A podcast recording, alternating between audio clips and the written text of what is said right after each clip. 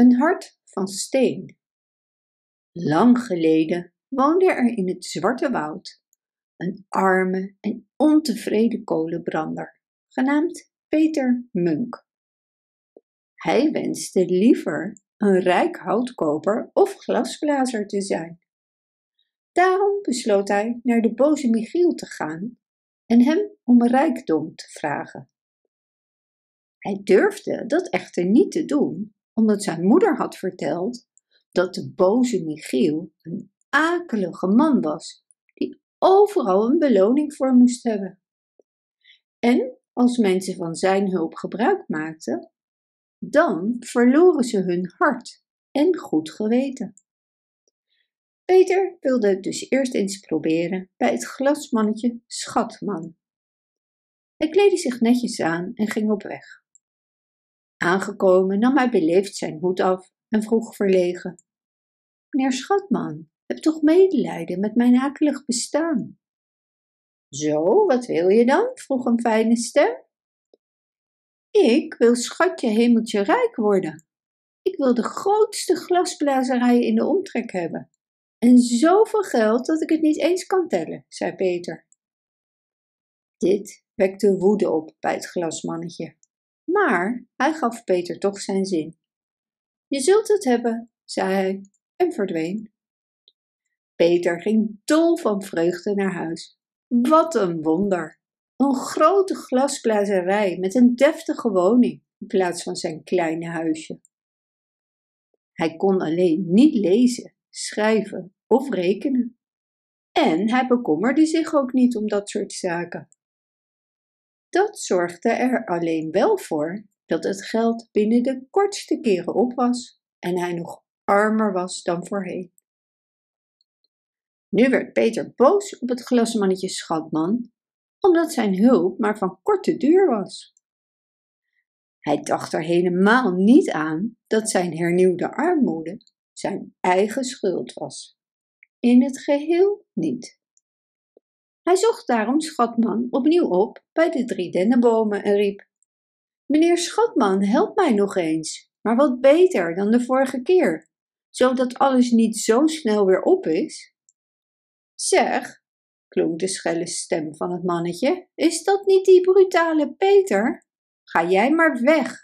Jij krijgt geen cent meer van me. Je plicht was te bidden en te werken, en je hebt geen van beide gedaan.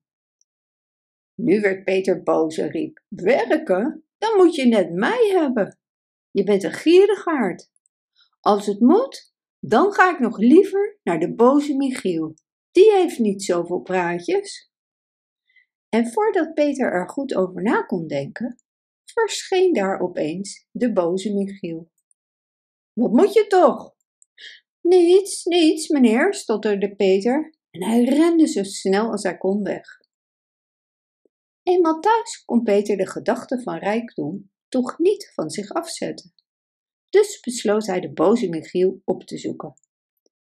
In zijn ondergrondse woning sloten ze een overeenkomst.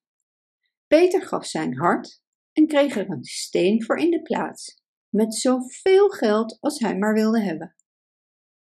Nu viel Peter in een diepe slaap en werd in de ochtend gewekt door een vrolijk deuntje. Maar Peter voelde helemaal niets. Geen plezier van de muziek, geen verdriet, helemaal niets. Hij had dan ook een steen in plaats van een hart en keerde ontevreden terug naar huis. Peter begon nu handel te drijven in hout en leende geld uit tegen hoge rentes. Al snel stond hij hierdoor bekend als een meedogenloos persoon er werd overal gevreesd.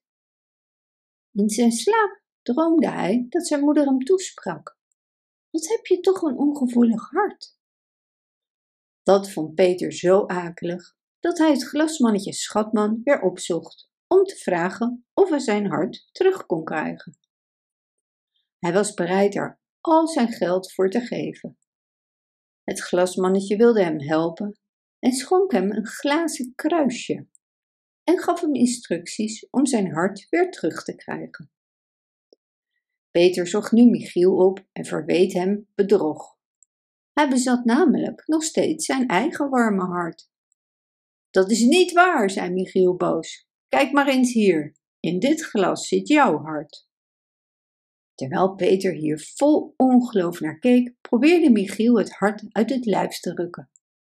Maar Peter was voorbereid, pakte zijn glazen kruisje en begon te bidden. En hierdoor werd de boze Michiel zo klein als een worm. Peter maakte van het moment gebruik en liep zo hard hij kon naar het glasmannetje. Eenmaal aangekomen kreeg hij berouw over zijn liefdeloosheid en werd getroost door het glasmannetje. Thuis aangekomen sloot ook zijn moeder hem weer liefdevol in de armen. En samen leefden ze nog lang en gelukkig in hun oude hut. Bedankt voor het luisteren.